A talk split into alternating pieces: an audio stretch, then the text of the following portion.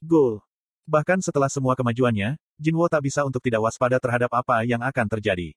Tapi, kegembiraannya karena pertumbuhan, mengalahkan ketakutannya. Beberapa saat yang lalu, ketika dia sedang mencari tempat yang cocok untuk memulai kues, Jinwo menggunakan handphonenya untuk melihat penjelasan kelas dari berbagai video game. Skill baru. Manfaat pertumbuhan. Senjata khusus kelas. Kues kelas khusus. Kurung siku buka kurung siku tutup. Satu hal yang umum di berbagai video game mengatakan, jika peningkatan kelas memiliki banyak manfaat dan penghargaan. Dan itu menjadi mungkin bagiku, yang sudah mencapai level 40. Tentu saja, tak semua yang dia temukan positif. Ada posting forum di sana-sini yang mengeluh karena itu juga. Aku khawatir, aku sudah memilih kelas yang salah. Sial, jika aku tahu seperti ini, aku akan memilih kelas yang berbeda. Aku mengacaukan build up karakterku. Aku pikir, aku sudah selesai dengan game ini. Apakah aku harus menghapus karakterku? Yah, mereka masih berbicara dalam ruang lingkup video game. Jinwo tak khawatir tentang kelas apa yang akan ia pilih. Dia hanya menggunakan dagger sampai sekarang, dan bahkan semua skillnya terkait dengan kelas Assassins. Skills dagger dan sesuatu seperti stealth. Petik 1. Selain itu, statistiknya sebagian besar terfokus pada strength dan agility.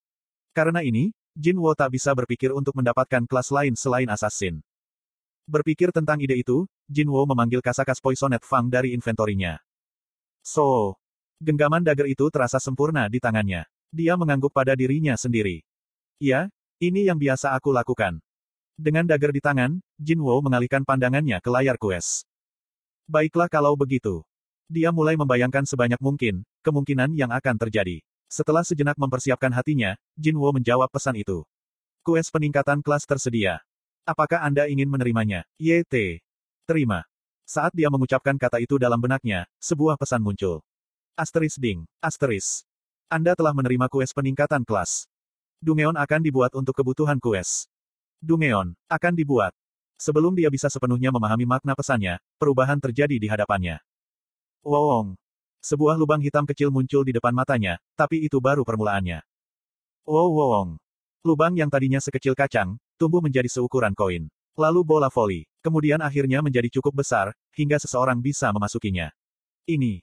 Mata Jinwo terbuka lebar. Setelah menerima kues, dia berharap layar informasi lain dengan informasi kues akan mengikuti. Tapi tidak untuk kali ini. Sebuah gate telah terbentuk di depan matanya. Untuk berpikir jika itu bahkan akan membuat gate. Fenomena di depannya persis sama dengan gate yang muncul di dunia ini. Satu-satunya perbedaan adalah jika itu sedikit lebih kecil dari yang biasa ia lihat. Pesan sistem berlanjut untuk memanggilnya masuk. Silakan masuk ke dalam Dungeon melalui gate. Tenanglah. Jin Wo menenangkan hatinya. Ya, aku siap. Jika dia memikirkannya, mau dia masuk menggunakan kunci atau melalui gate, Dungeon akan selalu menunggunya di sisi lain. Dia hanya terkejut dengan penciptaan gate buatan di depan matanya. Sementara dia telah memasuki banyak gate sebelumnya, dia belum pernah melihat itu diciptakan. Ketika dia mencapai garis pemikiran itu, sebuah ide muncul di kepalanya. Tunggu, bisakah hunter lain memasuki gate ini? Ya, tak ada waktu untuk bereksperimen. Tak ada hunter lain di sekitarnya sekarang, dia juga tak tahu ada hunter yang akan datang jika dia memanggilnya. Jinwo menghapus wajah Yu Jin Ho dari benaknya dan menggelengkan kepalanya. Apa yang akan kulakukan, jika ada kesalahan tentang ini? Pesan sistem berkedip seolah mengingatkannya. Asteris ding, asteris. Silakan masuk ke dalam Dungeon melalui gate. Jinwo tersentak kembali ke dunia nyata, oleh suara mekanis itu. Dia menamparkan pipinya untuk menjadi fokus. Sekarang bukan waktunya untuk terganggu. Sukses di sini, berarti mendapatkan kelas dan hadiah lainnya. Dia takut akan kegagalan yang menghantuinya. Jadi dia harus fokus. Wah, setelah menarik napas panjang, Jin Wo memegang kasakas Poisoned Fang dengan cengkeraman terbalik dan memasuki gate. Anda telah memasuki Dungeon. Hah? Sejujurnya, dia berharap banyak setelah masuk ke dalam Dungeon. Tapi bertentangan dengan harapannya, tak banyak yang mengejutkan yang ada di sana. Itu hanyalah Dungeon dengan gua yang sederhana. Ini sama seperti biasanya. Dia telah mendengar jika Dungeon tingkat tinggi akan terhubung ke berbagai jenis interior dan mengharapkan sesuatu yang serupa. Tapi dia kecewa. Tapi, sebuah pesan khusus muncul. Asteris ding, asteris. Di tempat ini, penggunaan potion dan store dibatasi, dan naik level tidak akan mengembalikan statistikmu. Jinwo menyingkirkan dagger setelah memastikan, jika tak ada monster di sekitarnya. Sepertinya ini tak akan mudah. Karena ini adalah dungeon khusus untuk peningkatan kelas, sepertinya ada beberapa persyaratan di sini. Fakta jika dia tak bisa menyembuhkan dirinya sendiri melalui potion atau peningkatan level, itu sangat mengganggunya. Itu berarti, bahkan kerusakan kecil akan menumpuk dari waktu ke waktu dan itu akan menjadi berbahaya. Cedera akan menjadi akhir di sini. Tanpa sarana pemulihan, dia harus berhati-hati terhadap setiap langkah yang ia lakukan. Aku benar-benar harus fokus. Jin Wo menutup kotak pesan. Seperti yang selalu ia lakukan, dia memeriksa pintu keluar Dungeon. Sampai kues kemajuan kelasmu selesai, Anda tidak bisa pergi. Saat dia meletakkan tangannya di gate, pesan itu muncul. Dia memasukkan punggung tangannya ke dalam, tapi pintu keluar tak bergerak. Petik dua titik titik. Petik dua. Dia menarik tangannya. Jadi jalan keluar diblokir. Dia belum mengetahui tingkat kesulitan dari Dungeon ini. Selain itu, dia tak dapat memulihkan dirinya di sini. Dan akhirnya, dia tak bisa pergi, sampai bisa menyelesaikannya.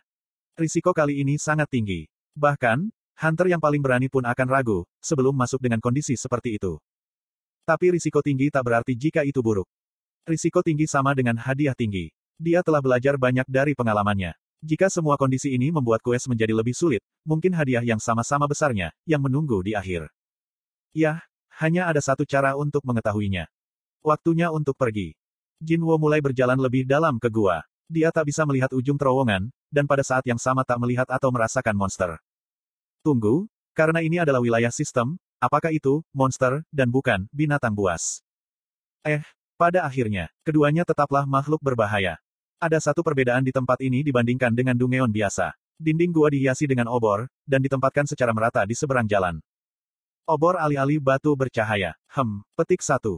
Obor bukan sumber cahaya yang efektif. Bahkan, jika ada banyak dari mereka, itu tak cukup untuk sepenuhnya menerangi terowongan yang gelap. Dengan demikian, cahaya yang berkelap-kelip menghasilkan banyak bayangan di sana-sini. Kombinasi bayangan dan keheningan, menghasilkan suasana yang sangat suram dibandingkan dengan dungeon normal. Yah, aku tak punya masalah dalam melihat. Yang mengganggunya adalah dampaknya pada suasana hatinya. Jinwo pergi dan melepaskan obor terdekat dari dinding. Dan jalan di bagian depan menjadi sedikit lebih cerah. Ini lebih baik. Jin Wo tersenyum puas. Dia melihat sekilas ke belakang, lalu mulai maju lagi dengan obor di tangan. Sudah berapa lama dia berjalan di jalan lurus ini? Setelah beberapa waktu, dia akhirnya menemukan sebuah cabang. Di tikungan, dia merasakan beberapa kehadiran. Akhirnya, dia dengan hati-hati menjatuhkan obor ke tanah. So, di tempat obor sebelumnya, sekarang sudah diganti menjadi dagger. Dia sebentar mempertimbangkan menggunakan steel untuk mendapatkan keuntungan. Tapi, dia memutuskan untuk menghemat mana. Potion tak bisa digunakan setelah semua ini. Jika dia dengan sembarangan menghabiskan mana, dia mungkin tak bisa menggunakan skill di saat yang sangat penting. Mereka datang ke sini. Jinwo menempelkan punggungnya di dinding, lalu menunggu musuh datang dari sudut. Klang, klang. Suara logam berdering saat mereka berjalan ke arahnya. Suara itu semakin dekat. Klang, klang. Mendengar suara kasar itu, Jinwo menjadi penasaran. Apakah mereka memegang semacam senjata berantai? Dia penasaran, tapi tak khawatir. Dia akan segera tahu segera. 5, 4, 3. Dia memegang dagger dengan cengkeraman terbalik dan menahan napas. Dia tak ingin suara napasnya didengar. 2, 1. Klang, klang. Akhirnya, bayangan mereka muncul di sudut. 0. Saat Jinwo selesai menghitung mundur, benda itu muncul dengan sendirinya. Jinwo segera pergi untuk menebas lehernya. Klang. Suara logam yang menyerang logam terdengar keras. Dagger tak menembus sasarannya. Armor. Jin Wo terkejut. Mengkonfirmasi identitas musuhnya, dia dengan cepat mundur. Manusia. Itu adalah seorang knight yang dilengkapi dengan set lengkap armor. Bahkan, wajahnya ditutupi oleh helm. Untuk jaga-jaga, Jin Wo memanggil ke arah knight itu. Oi. Knight itu bereaksi dengan menyerang ke arah Jin Wo. Klang, klang, klang. Knight itu dengan penuh semangat menggunakan bahunya, untuk mencoba menyerang Jin Wo. Tapi, Jin Wo dengan mudah memutar tubuhnya untuk menghindari serangan. Knight itu tak bisa menghentikan momentumnya, dan berlari maju sedikit sebelum berhenti. Bukan manusia. Setelah sedikit memperluas sensenya, Jin Wo yakin. Knight itu tak memiliki detak jantung. Itu adalah monster, atau lebih tepatnya, monster yang belum pernah dilihatnya sebelumnya. Untuk berpikir jika akan ada monster yang tertutupi armor dari kepala hingga ujung kaki. Ternyata begitu. Ini hampir sama, seperti dia bertarung dengan manusia lain. Sing. Knight itu berbalik dan menghunuskan pedang di sisinya. Seperti yang dipikirkan Jin Wo, itu tak berniat membiarkan dirinya pergi hidup-hidup. Saling mengkonfirmasi permusuhan satu sama lain, mata Jin Wo menjadi lebih tajam. Sprint. Kecepatan gerakanmu meningkat sebesar 40%. Yang pertama menyerang adalah pemenangnya. Sebelum Knight itu bisa mendekatinya, Jin Wo memasuki jangkauannya lebih dulu. Slash. Sang Hunter menghindari ayunan pedang itu, dan menusuk baju besi musuh di sana-sini. Klang, klang. Tapi dia tak bisa membuat kerusakan. Armornya terlalu tebal. Bukan hanya itu, itu hampir bisa dikatakan licin. Dagger miliknya terlepas tanpa daya dan dibelokkan, setiap kali dia mengenai sirah itu. Knight itu mengayunkan pedangnya dalam garis horizontal. Slash. Jin Wo menunduk untuk menghindar. Bila pedang melewati beberapa inci di atas kepalanya. Karena serangannya kuat, celah yang dibuat setelah hilang juga sama besarnya. Jin Wo tak melewatkan kesempatan itu. Masih dalam jangkauan jarak dekat, Jin Wo memfokuskan semua kekuatannya ke dagger. Vital Stab. Crack. Dagger menembus armornya. Apa itu bekerja? Tapi, seolah-olah itu tak mendapatkan kerusakan, Knight mengabaikan dagger yang mencuat dari pinggangnya, dan menggerakkan pedang dalam garis vertikal. Slash. Jin Wo melemparkan tubuhnya ke belakang. Klang. Percikan api terbang dari tanah yang dihantam pedang. Petik dua titik titik. Petik dua. Jin Wo menegakkan diri setelah mundur beberapa langkah. Kasakas Poisonet Fang masih menempel di sisi Knight. C. Jin Wo mendecakkan lidahnya. Dia tak terlalu kuat. Itu benar, karena armornya, gerakan Knight itu menjadi lambat. Tak hanya itu, Pola serangannya juga agak sederhana. Kendala utama adalah ketahanannya yang kuat, terhadap senjata tajam. Jin Wo menggulung lengan bajunya. Jika itu adalah armor tangguh yang tak bisa ditembus oleh pisau, aku sudah memiliki pengalaman untuk bertarung dengan tangan kosong. Dia mempertahankan ketenangannya. Dia ingat bos yang bisa mematahkan lehernya dengan mudah, seperti kekuatan pedang yang di-upgrade. Dia ingat, bagaimana dia menjatuhkan ular raksasa itu. Dibandingkan dengan Kasaka, bajingan ini bukan apa-apa. Memikirkan bos pertama yang pernah dikalahkannya, Jin Wo tersenyum nostalgia. Klang, klang, klang. Knight yang percaya diri dengan armornya, menyerang Jin Wo sekali lagi. Seperti yang diharapkan, dia tak sepintar itu. Jin Wo dengan mudah menghindari serangan dan bermanuver di belakang punggungnya lalu meletakkan tangannya di kepala Knight.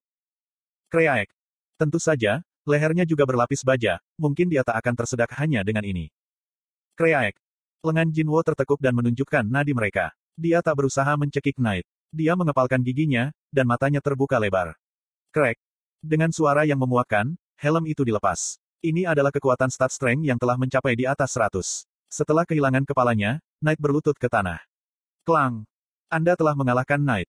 Pemandangan yang menyambut dari sebuah pesan menandakan akhir dari pertarungan. Sementara ada cahaya yang menunjukkan drop item yang datang dari mayat Knight, Jin Wo fokus pada sesuatu yang lain.